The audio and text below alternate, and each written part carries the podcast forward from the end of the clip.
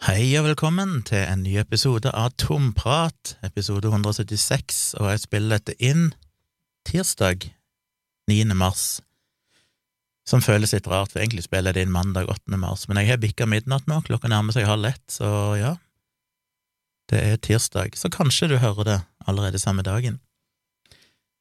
Jeg har veldig lite på hjertet i dag, men jeg har notert noen ting som jeg kanskje skulle snakke om. Jeg har sittet de par siste dagene og redigert bilder til den store gullmedaljen.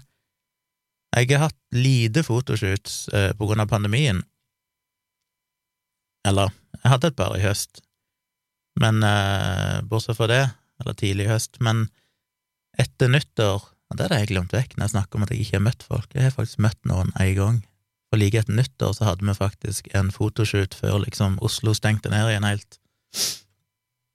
Så da møtte jeg et par eh, som ville jeg skulle ta bilde av dem. De hadde sett bildene mine på nett og syntes de var fine, og gjorde en såkalt TFP-shoot, som betyr at de stiller gratis, og jeg stiller gratis. Så får begge bilder som en kan bruke.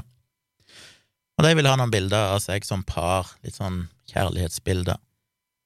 Så vi tok de bildene, og jeg skal ikke gå inn i detalj om det, for det jeg snakket om tidligere, men eh, bildene ble tatt. Jeg uh, var treigere enn det jeg pleier, fordi at uh, ting ble travelt med jobb og sånn, så det tok jo Ja, normalt så skal jeg vel levere bildene seinest innen tre til fire uker. Jeg tror jeg leverte de omtrent etter fire uker, som var seint for å være meg. Og det, det var liksom et eller annet som skurra eh, med bildene. Jeg følte liksom ikke jeg helt fikk de til, på en måte. Det er så vanskelig å forklare, for stort sett så har jeg redigert bilder, så har det gått ganske så greit, føler jeg. Jeg har vært ganske stolt av de etterpå.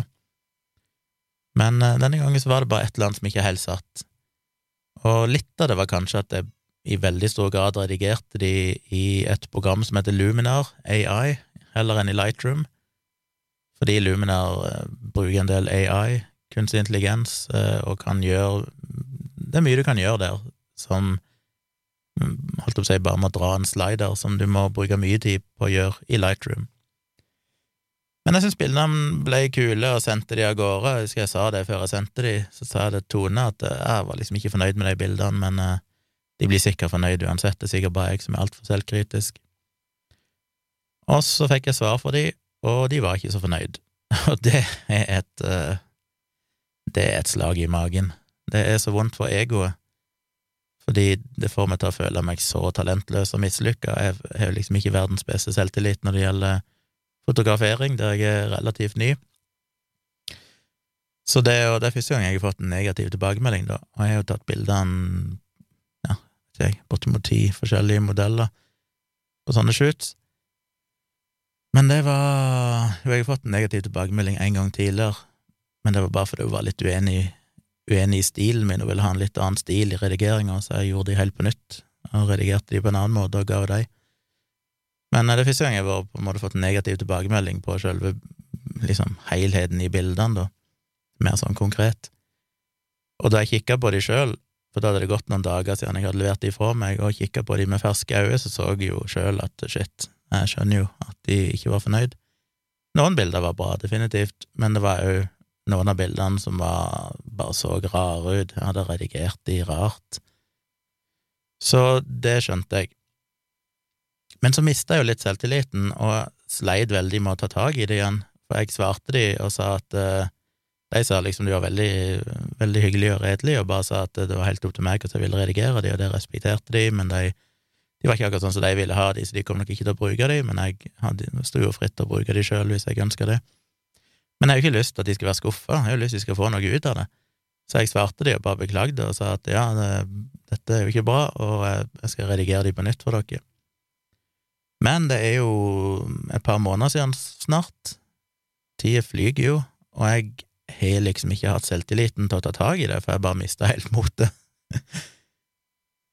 så jeg eh, jobba litt med de sånn sporadisk, men så fant jeg ut nå kan jeg ikke la det gå ei helg til uten at jeg blir ferdig med de. Så jeg ble sittende og redigere i helge, og redigerte de på nytt i Luminar AI, og Luminar er et veldig bra program, digger det, kan gjøre veldig mye fancy, men det er veldig treigt. veldig, veldig treigt, så ting går veldig treigt. Når du drar i en slider for å endre et eller annet, så må du gjerne vente i ti sekunder før endringen dukker opp. Hvis du bare zoomer inn i bildet, så kan det ta sånn ti sekunder før han liksom klarer å rendre det i full oppløsning igjen. Og så er det litt sånn småbugs i det, så jeg håper jo virkelig de kommer med en oppdatering snart som forhåpentligvis hjelper litt, og spesielt om de hadde klart å sluppe en native versjon for de nye M1-prosessorene på Mac-en, eller bruke noen av de andre mulighetene som finnes i den nye prosessoren, for det, det vil jo kunne speede ting opp litt. Men det er såpass mye fancy ting der at jeg hadde likevel lyst til å bruke Luminar, selv om det gikk treigt. Eh, og for de som interesserer seg for sånt, herregud, så treig han er til å, å eksportere. Jeg redigerte 40 bilder og skulle eksportere de, og han må vel bruke bortimot et minutt per bilde, mens å eksportere de samme bildene i Lightroom tar jo ja, jeg tipper du får eksportert 40 bilder på ett minutt.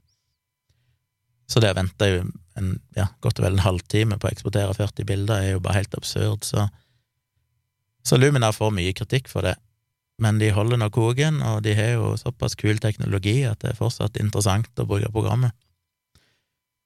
Så hva er det jeg skulle si, egentlig?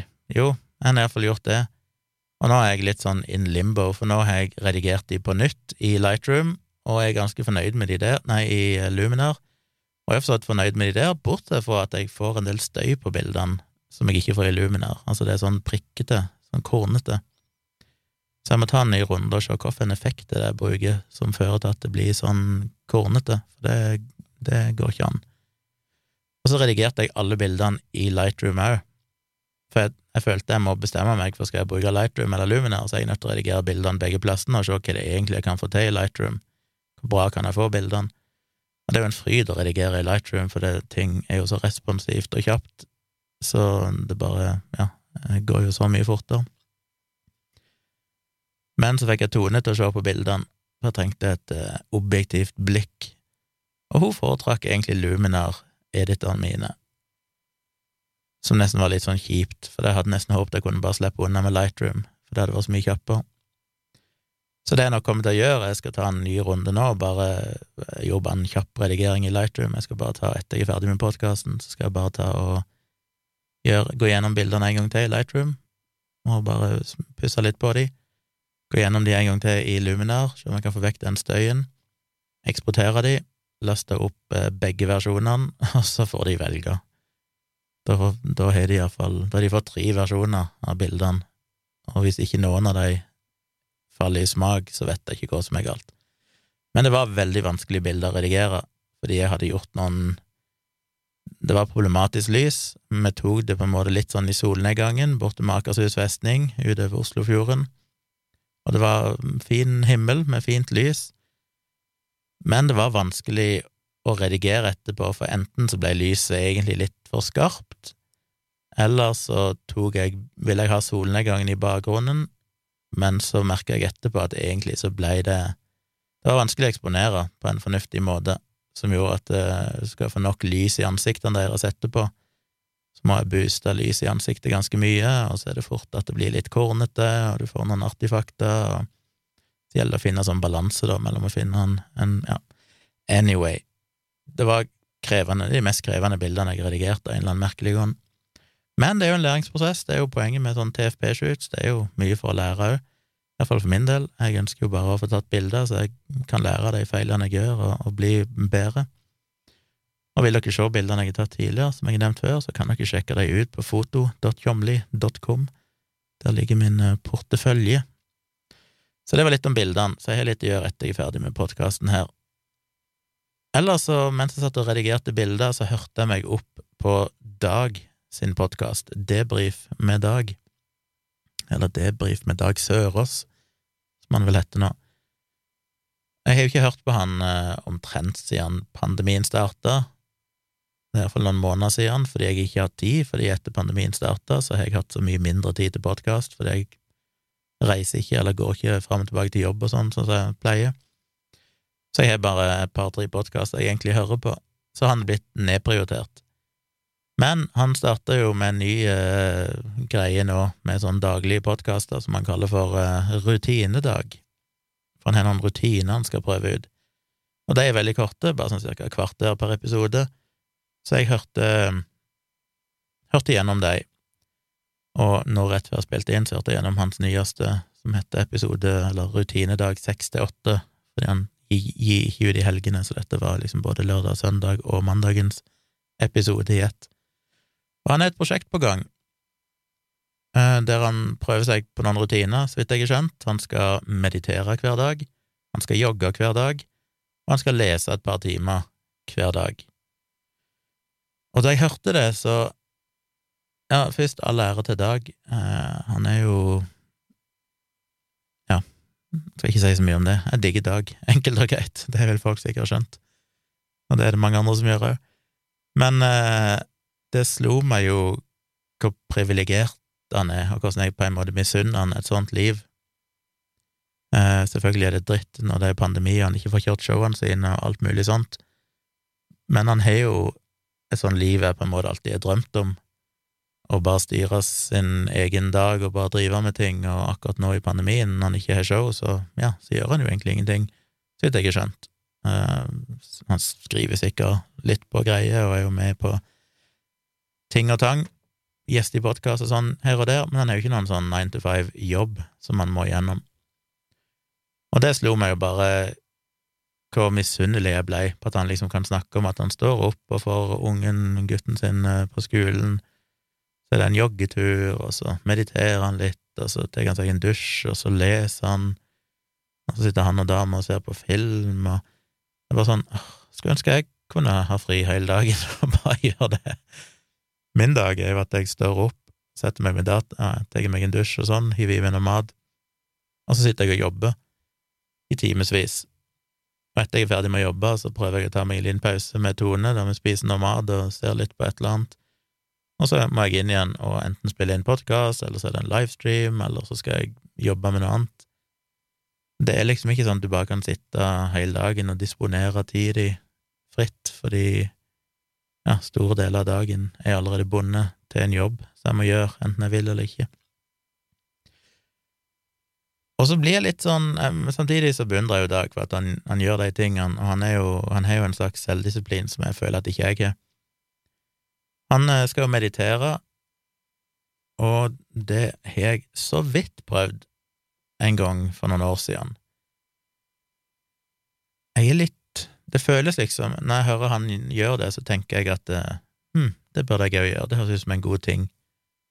Men jeg er liksom litt usikker på hvorfor jeg skal gjøre det, hva, er det jeg egentlig forventer å få ut av det? Jeg føler jo jeg har det egentlig bra med meg sjøl. Eh, de tingene som jeg eventuelt er misfornøyd med, det vet jeg som regel hva skyldes, og hva jeg må gjøre med det. Jeg har jo som sagt prøvd det. Jeg vet ikke om jeg, vet ikke om jeg er skrudd sammen på en måte som gjør at jeg kan få noe ut av meditasjon. Det er jo Dag Aus slitt med, da han har jo prøvd på dette i årevis, og jeg føler ennå ikke han egentlig har kommet i gang med den meditasjonen sin, så det gir jo heller ikke noe sånn veldig optimistisk følelse om at dette egentlig er noe for meg, når han heller egentlig ikke ser ut til å få det noe særlig til. Men øh, ja Nei. Ja, nei, jeg vet ikke egentlig hva jeg skal få ut av det, så det har jeg ikke gjort. Jogging, derimot, har jeg jo egentlig lyst til. Men igjen så er det jo irriterende, for Dag begynte jo å legge om kostholdet og gå ned i vekt etter han ble inspirert av meg, og han begynte å jogge etter å ha blitt inspirert av meg, men i motsetning til meg så har jo han klart å holde koken mye bedre med både kostholdet sitt og med jogginga. Så jeg er flink til å sette han i gang, men han er jo den som har selvdisiplin til å holde det ved like. Så det er jo litt sånn eh, Det er litt ræva. Og jeg skulle ønske jeg klarte å jogge. Jeg har jo jogga i noen perioder, og holdt ut to, tre, fire måneder, kanskje, og så skeier det ut, fordi jeg får ingenting ut av det. Og jeg har som sagt prøvd i flere måneder, det er ikke sånn at jeg bare prøver i ei uke, og så gir jeg opp. Jeg jogga fast, og følte jo jeg ble ganske god. En periode så var vi jo på treningssenter, meg og Tone, jeg jogga på tredemølle og følte jeg uh, imponerte meg sjøl stadig vekk. Men jeg er jo ikke på noe som helst måte på det nivået Dag er. Dag, første gang han gikk ut og jogga, så var det liksom bare sånn åtte kilometer. han bare kjørte på, på den, i det tempoet. Jeg må jo bruke noen uker på i det hele tatt bare klare å jogge to kilometer uten å krepere. Han må liksom bygge meg opp sakte, men sikkert, så han har jo et slags naturtalent for det. Men igjen, jeg bare er så misunnelig på folk som får noe ut av trening. Fordi jeg har prøvd å trene flere ganger i månedsvis, og jeg gir alltid opp til slutt fordi at det er så kjedelig, og jeg føler meg ikke Den der ideen alle har om at å, de føler seg så bra etter de har trent, og det er så bra for humør, og de får så mye mer energi. Nei, det gjør jeg faktisk ikke, jeg får ikke noe mer energi. Ja, selvfølgelig føler jeg meg bra i, i fem minutter etterpå, for det er sånn å, er deilig å ha det gjort, men det får jeg jo av å vaske gulvet òg i leiligheten. Det er bare sånn, nå har du gjort en forpliktelse som du har stressa med, og så er du ferdig med det, så det er godt. Og det er vel kanskje litt av stikkordet, at jeg føler bare alle de tingene ender bare opp med at jeg blir stressa av det, fordi det er bare enda en ting jeg må gjøre. Og jeg har så mye, føler jeg, som jeg har lyst til å gjøre, og så mye jeg allerede gjør. Og det var litt greia med meditasjon òg, den lille perioden jeg prøvde. Jeg brukte vel en der, var det Headspace-appen eller et eller annet sånt og det bare stressa meg, for den drev og maste om at nå må du meditere, og det ble jo bare enda mer stressa enn det jeg hadde vært hvis jeg hadde bare gitt faen i hele greia. Så det er ikke noe for meg. Men jeg, jeg, jeg går fortsatt rundt og tenker på om jeg skal prøve å jogge igjen, for det, det vet jeg jo hadde vært veldig godt for meg.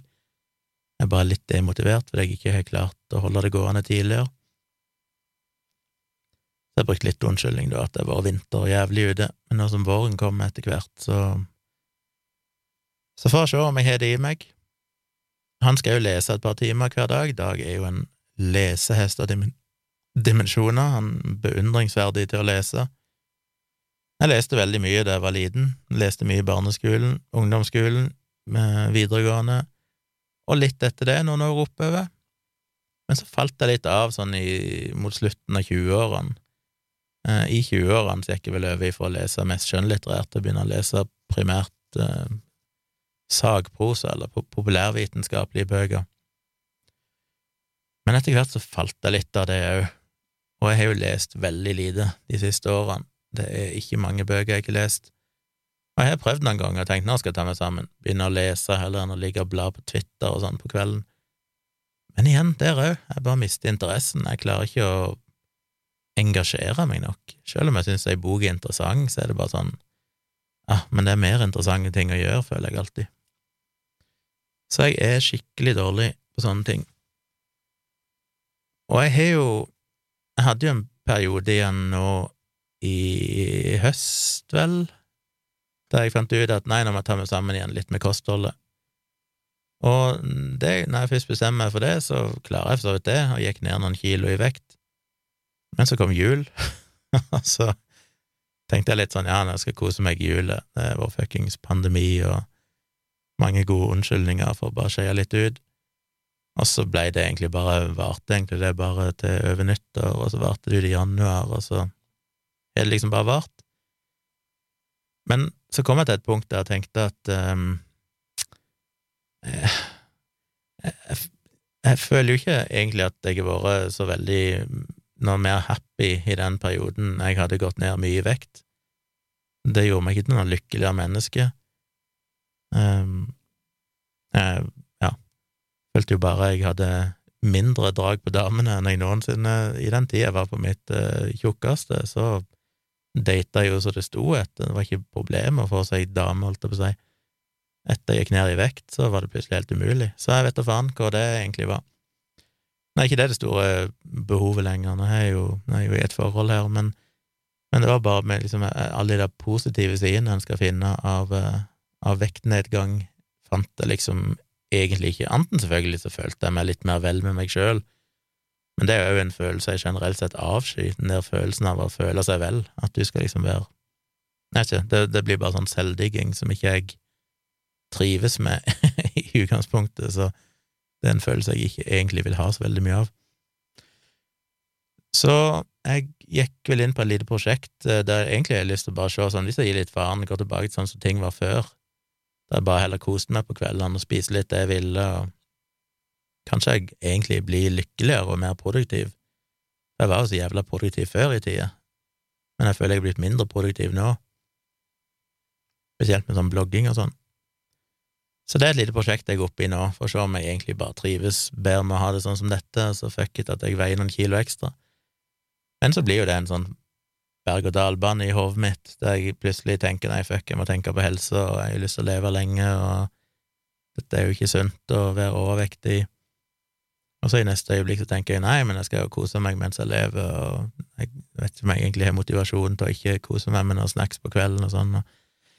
Veldig mye opp og ned. Skulle ønske jeg hadde, hadde selvdisiplin til Dag. Jeg syns han er flink å få det til. Og så har jeg alltid hatt problemer med rutiner. Eh, ikke at jeg ikke liker rutiner, jeg er veldig glad i rutiner, jeg har mye rutiner i livet mitt og sånne ting jeg må gjøre på den og den måten, men når det gjelder å å få gjort nye ting, så styres veldig mye av jobben min. Fordi jeg har jo ikke en jobb der jeg kan gå på jobb, og så er jeg ferdig på et visst tidspunkt. Hele mitt liv, holdt jeg på å si, de siste 20 årene jeg har drevet dette firmaet mitt, så er det umulig å si hvordan arbeidsdag blir. Det er veldig sjelden at jeg kan gå på et visst tidspunkt, fordi det er alltid mer å gjøre, alltid ting som skulle vært gjort, og hvis jeg først er midt oppi noe, så kan jeg egentlig ikke slutte, enten fordi det er noe som haster, fordi jeg må få det ferdig, eller bare fordi at når jeg er midt oppi noe, da snakker jeg jo primært om programmering, så kan det ofte være vanskelig å liksom komme seg ut av den uh, ut av det siget en er i, for at hvis en da stopper opp og så kommer tilbake neste dag og fortsetter, så tar det litt tid å komme inn i det igjen. Det som, du har liksom sjonglerer så mye holdt å si bokstavelig talt variabler i hodet mens du jobber der, at du mister litt oversikten hvis du forsvinner fra datamaskinen i noen timer. Så jeg har hatt eh, ja, alle gangene jeg har tenkt at jeg skal prøve å gjøre et eller annet, ja, klokka fem kan jeg gå på, på trening, så funker det i tre dager, og så skjer det plutselig nå på jobb der jeg må jobbe til klokka ti på kvelden istedenfor, og sånn er det alltid, det er klin umulig for meg å planlegge at jeg skal gjøre noe på et visst tidspunkt, iallfall hvis det er før klokka ni eller ti på kvelden fordi jeg må egentlig alltid være forberedt på at jeg må jobbe så seint. Og det har jeg jo både likt, jeg syns jo jobben jeg gjør er gøy, og jeg syns jo det er fint å kunne på en måte styre det sjøl, men det er jo òg den sånn negative sida med jobben min, at jeg skulle jo òg ønske av og til at eh, jeg alltid misunt folk som har en jobb, og så kan de bare gå for jobben, og så, så er jobben igjen på kontoret, og så kan de slutte ikke trenge å tenke så mye på det før neste dag. For meg så er jo jobben der alltid.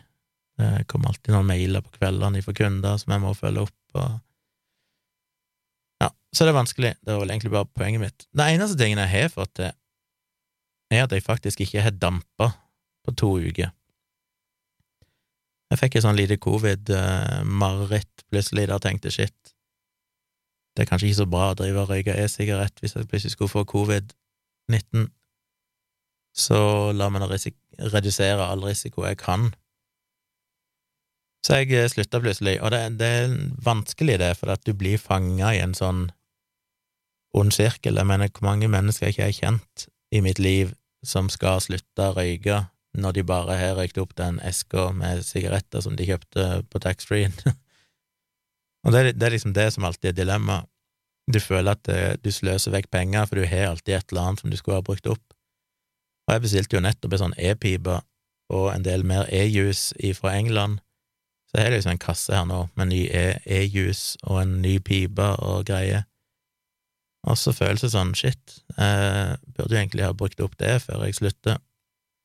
Men jeg kan ikke tenke sånn, da kommer jeg aldri til å slutte, så Og det er ikke det at jeg har sånn veldig stort behov for å slutte, jeg synes det er godt med seg, det er det gir meg noe, og jeg har jo ikke følt noen negative konsekvenser av det, og forskningen viser jo at risikoen neppe er veldig høy, selv om man er høyere enn null, så er han jo såpass lav med tanke på an, Jeg prøver jo alltid å unnskylde det med annen risiko jeg ikke tar, sånn som at jeg omtrent aldri drikker og sånn. Alkohol vet vi jo i det minste er veldig farlig, og, og sånn, så er det jo liksom ok, det er min last, andre er sine laster, så kanskje jeg ikke skal ha så dårlig samvittighet for det. Men så koster det jo penger, og så er det jo teknisk sett helt unødvendig, det er liksom bare en greie en gjør, det er jo ikke noe jeg må gjøre. Så jeg bare en dag bare tenkte nei, da kutter det ut, Og det er faktisk gått greit. Jeg er til og med så hardcore at de står rett på sida av meg her, e-siggen. Både pipa og den gamle jeg brukte. Jeg kan bare rekke ut ei hånd og ta den. Og når jeg sitter her på jobb og programmerer og er stressa, så har jeg noen ganger tenkt at å, nå har jeg lyst til å bare ta et trekk av den, bare for liksom Ja, for det er en slags distraksjon å gjøre det. Men jeg er faktisk klart ikke gjør det. Det hadde jo vært mye mer fornuftig selvfølgelig å bare pakke de vekk, så ikke den fristelsen sto rett foran meg, men det er et eller annet litt sånn masochistisk med å bare ha fristelsen der rett foran meg, og så allikevel velge å ikke gjøre det. Men hvis, hvis selvdisiplin ligger det jo i det, det skal jeg ha. På den annen side så kjøpte jeg jo, falt jeg for fristelsen og kjøpte to pakker, pakker med sånne chocolate uh, chip uh, cookies, et eller annet, sånne store, saftige noen, og tenkte at de må jeg ha i helga. Det er godt. Så delte meg og Tone én, eller det var kanskje jeg som spiser mest, men hun fikk vel noe, hun òg. Og så her i var det i natt, etter jeg hadde sittet og, og jobba med bilder og sånn, så følte jeg jeg måtte ha en belønning, og så gikk jeg og henta den pakken og bare trykte i meg hele pakken mens jeg satt og så litt på YouTube, og så gikk jeg tilbake og redigerte litt igjen etterpå. Og det er rart, det der, for det er sånn Det er ikke det at jeg har lyst på kjeksene, men hvis jeg bare plutselig tenker på de, og vet at de er der i skapet, så får jeg det ikke ut av hodet, og det føles jo som en slags sånn spiseforstyrrelse. Det er bare helt klin umulig å konsentrere meg, for da, da, da, er de bare i det skapet og roper på meg, og jeg kan ikke ikke bare gå og spise de, for det, det går ikke, for det er så distraherende i, i skallen min å bare vite at de kukkisene er der, og at de er gode, og at jeg har lyst på de fordi jeg tenkte på de. Så der har jeg dårlig selvdisiplin. Jeg blir alltid misunnelig på folk som kan kjøpe en sjokolade, og så kan den vare i mange dager, at de bare spiser sånn ei rute sjokolade om dagen. Jesus Christ, hvis jeg kjøper en svær sjokolade, så er den jo vekke på ti minutter. Det er jo helt uaktuelt å ikke, ikke bare trykke den i seg. Så det er vanskelig. Men jeg har iallfall ikke dampa på 14 dager, så vi se om det holder. Jeg var inne i dag og leste Jeg fikk en, eh, en kommentar på den meg og Tone hadde jo en sånn samboerprat, som vi kaller det, en livestream, som vi har hver søndag kveld, normalt for patronene våre, men hver femte episode så kjører vi Åpen for alle. Så vi kjørte en samboerprat i går kveld, Åpen for alle, på YouTube, eh, som jeg bare kalte for en Q&A, Ask us anything, og jeg syns det ble ganske gøy. Vi holdt vel på i to, over to timer, og det var mye interessante spørsmål, og en del som, ikke, som var mer bare sånn kommentarer som vi drev og snakket om, men jeg syns vi hadde liksom holdt god, god kok hele tida. Og så blir jo den liggende på YouTube, så folk kan jo se den, og det er noen hundre som har sett den. Men så kommer det plutselig en kommentar i dag, der er ei som skriver noe sånt som at uh, dette er hundre Eller at hun var at hun var fan, eller hun hørte på, jeg vet ikke om hun var fan, hun hørte iallfall på Tomprat, så hei til deg hvis du hører på nå. Men hun eh, så skrev hun men denne videoen et eller annet var skuffende, det var 140 minutter og aldri fikk tilbake igjen. Så svarte jeg vel at jeg håper, håper ikke du brukte 140 minutter på å finne ut det.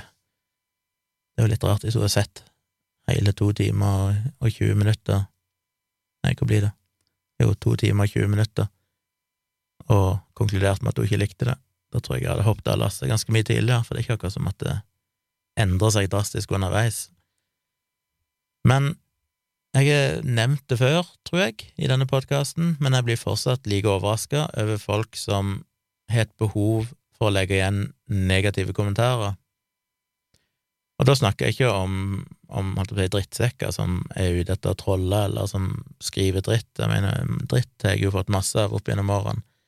Og det er nå én ting, men folk som på en måte i beste mening legger igjen en negativ kommentar. For jeg har fått noen av de både på denne podkasten og på Virkelig grusomt og sånn, der det er folk som tar seg bryet til å gå inn og skrive en kommentar der de bare vil fortelle at de syns det er dårlig, men på en måte formulert på en, en hyggelig måte. Det er akkurat som de bare ønsker å gi en saksopplysning, at jeg syns ikke dette var noe særlig bra uten å komme med noen form for konstruktiv kritikk. Det er ikke noe sånn pinpoint som eventuelt er dårlig, eller Og det skjønner jeg ikke. Jeg mener det finnes tusenvis på tusenvis av podkaster der ute. Det finnes millioner på millioner av YouTube-videoer. Mange av de syns jeg heller er bra, og da hører jeg på noe annet. Det, bare, det føles som at det krever en helt spesiell person for å velge å aktivt gå inn og fortelle noen at du, denne her postkassen likte jeg ikke. Nei, vi er veldig klar over at denne podkasten er ikke for alle. Det ville jo helt umulig for meg å lage en podkast som absolutt alle som hørte, likte, men dermed er det heller ikke nødvendig å si ifra at du ikke liker den, for det bidrar jo ikke til noen ting positivt. Det bidrar jo i verste fall til at andre folk som kanskje ville ha likt podkasten, blir skremt vekk fra den og kanskje ikke kommer til å høre den. Eh, den gir meg en drittfølelse. Det er sånn, Da føler jeg jo bare at ok, det, det, går jo inn på meg når folk skriver en sånn kommentar. Selv om det kommer mange positive kommentarer, så er det jo alltid den der negative som gjør at jeg bare tenker at å ja, dette er bare noe dritt, og det er ingen som liker podkasten min, og hvorfor gidder jeg å holde på med det sånn?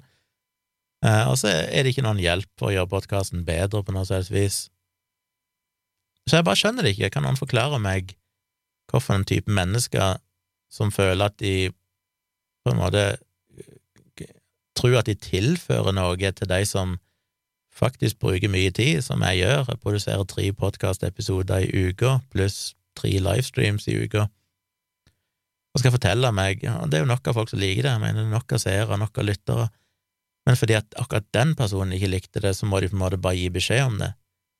Jeg bare synes det er så fjernt. Det er sånn, hvis de ikke hadde likt det, så skipper jeg til neste video, eller da finner jeg en annen podkast å høre på. Så det, ja, var bare et lite hjertesøk. Jeg bare, jeg bare skjønner ikke hva som driver sånne folk, og jeg skulle ønske at de skjønte hvor negativt det faktisk var, fordi det ligger forbanna mye arbeid i å drive på med de her tingene, og det hjelper ikke ingenting å høre at det er noen som ikke liker det. Det er vi fullstendig klar over fra før. Jeg vet at størstedelen av Norges befolkning kommer aldri til å høre på min podkast, og de fleste hadde sikkert ikke likt å høre på min podkast, men det er noen som gjør det, og det er jo de jeg ønsker å nå ut til og jeg trenger ikke bli fortalt at akkurat du ikke likte podkasten min. Og ikke gjør det til andre heller. Bare slutt med det. Det bidrar ikke til noe. Ja. Hva mer var det jeg hadde å si? Jo, jeg fikk en melding i dag eh, på eh, Facebook som hadde havna i eh, spam-mappa mi, som jeg er inne og kikker i av og til. Og det var ei dame som jeg åpenbart ikke er venn med på Facebook, for da hadde han ikke havna i spammen, regner jeg med, men hun skrev et eller annet om at hun hadde, hadde fulgt meg lenge og sånn, og, og syntes jeg hadde mye kunnskap om vaksiner og sånn, og så var hun bare litt usikker. Hun hadde ei datter, som da sannsynligvis er veldig godt voksen, for hun her òg var jo godt voksen, eh, så vi snakker ikke om et lite barn. Hun hadde ei datter, voksen datter, som hadde visstnok, ifølge hun, fått en veldig spesifikk og ganske sjelden autoimmun sykdom som av og til, jeg husker ikke navnet på han, blandes av og til med MS, men det er ikke MS og må behandles helt annerledes. Eh, etter å ha fått svineinfluensavaksinen i 2009, og hun hadde visst vært veldig syk og sånn, og de hadde vel gått til noe sånn eh, Hva var det de hadde gjort? Bare lese hva hun skrev. De hadde Ja, de hadde For et par år siden så ble hun sendt til sånn stamcelletransplantasjon Vet ikke det, det, i hvilken grad det hjalp, men, eh, men det jeg egentlig lurte på, var bare covid-vaksinene, for dattera var veldig usikker på dem, og så sendte hun meg en link til en video av fuckings Joseph Mercola som intervjuer ei som heter Judy Mikowitz, og videoen er jo posta på Gab, gab.com, ene og alene Altså, Gab er jo sånn nettsted som ikke har noen eh, sensur, holdt jeg på å som stort sett vel inneholder rasistisk og høyreekstrem propaganda og alternativ behandling og vaksinemotstand og covid-fornektelse og sånn. Så han er jo selvfølgelig posta der, for at en sånn video som det blir jo tatt ned fra YouTube og sånn umiddelbart. Og det er et sånn times intervju og jeg skal ikke, orker ikke å gå inn i hvem Dr. McCola er, jeg blogger om han, og det er bare å google navnet hans, så finner dere ut at han er jo en av de mest kjente sjarlatanene i moderne tid, når man nyser.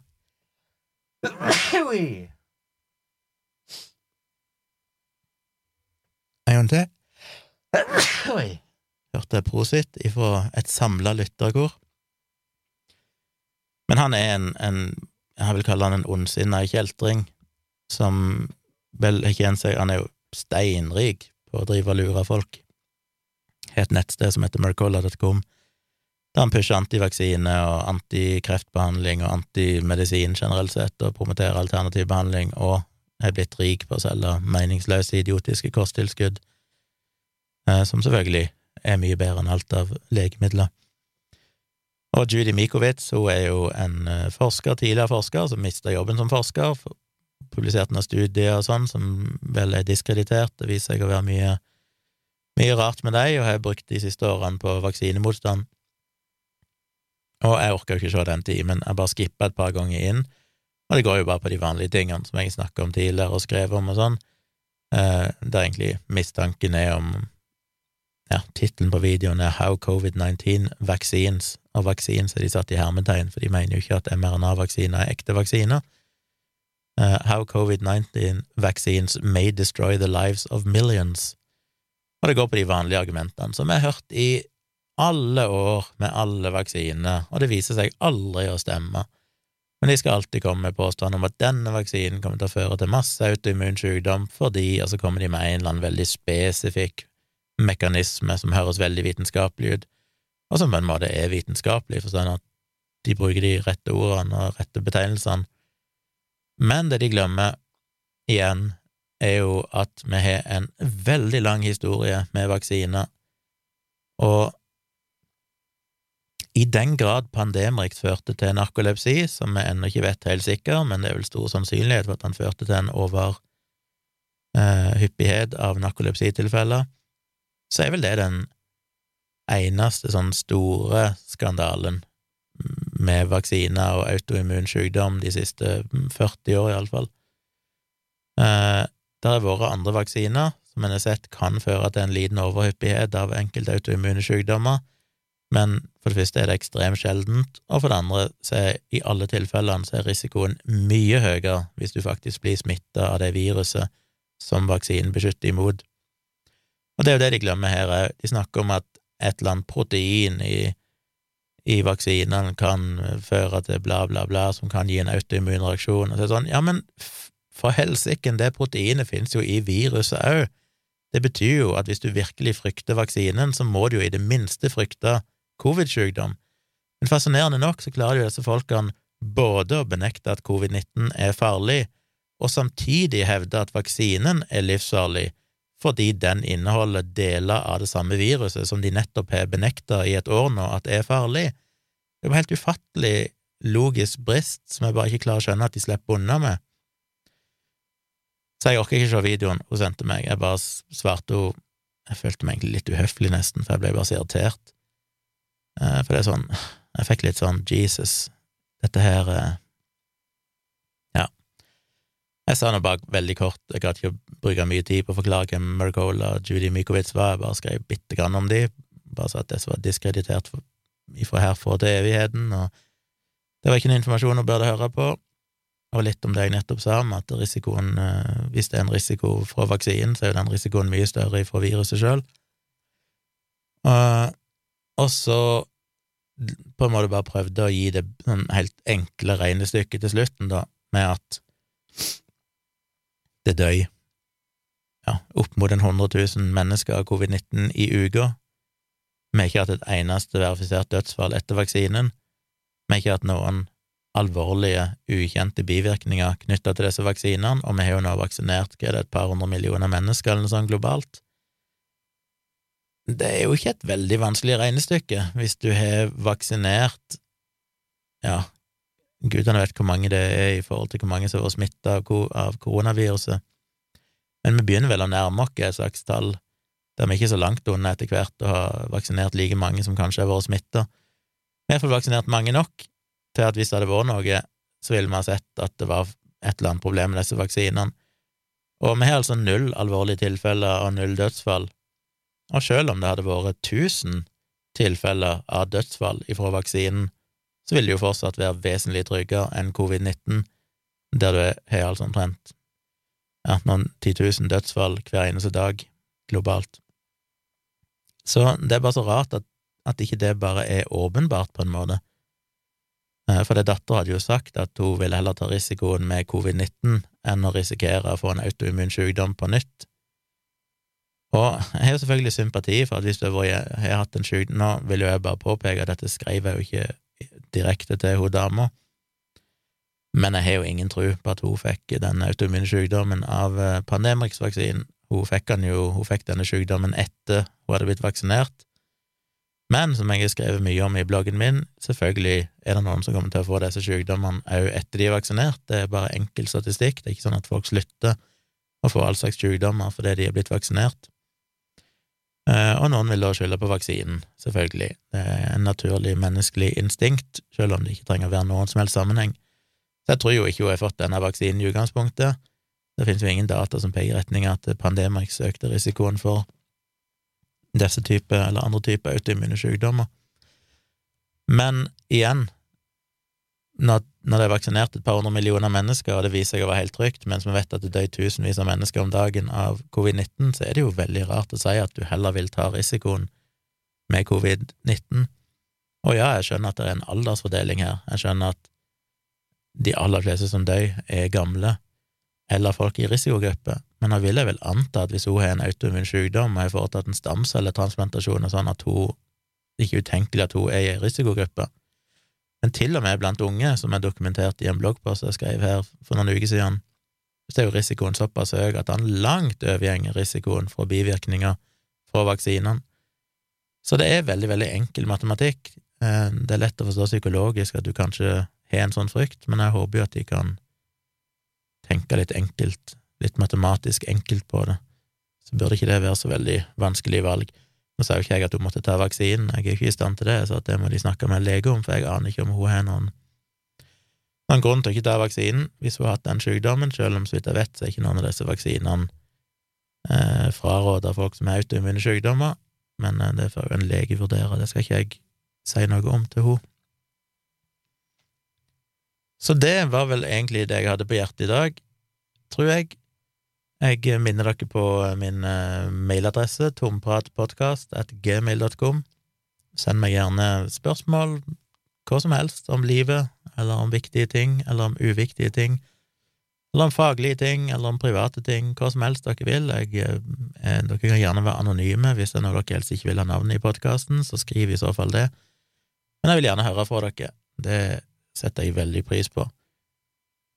Og ikke bare skriv 'jeg liker podkasten din', fordi det hjelper meg ikke så veldig mye, og ja, i så fall vil jeg fraråde deg for å høre fremtidige episoder. Eh, der er ute en ny episode av Virkelig grusomt, episode 15 er det vel nå, og vi får flere og flere lyttere der, så det er veldig gøy. Eh, denne gangen var det jeg som fortalte en grusom historie fra virkeligheten, som ikke er så veldig gammel, som skjedde for noen få år siden i USA, med en mann som drepte alle sine fem unger. Og hvorfor gjorde han det? Jo, det er en ganske interessant historie, så sjekk gjerne ut Virkelig grusomt. Den finner dere på Spotify og i podkast-apper.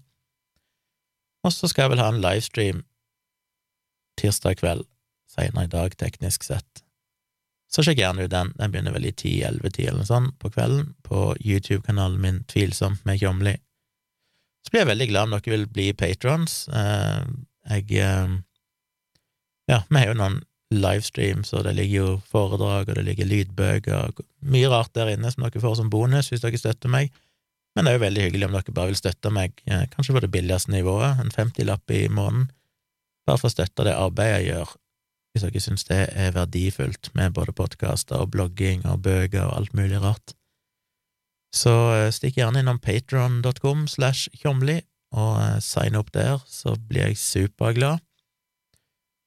Ja, det var vel alt. Da er jeg tilbake igjen eh, på fredag med en ny episode, og så setter jeg veldig pris på at du hører på. Det gjør meg glad. Så takk for det. Vi høres igjen snart.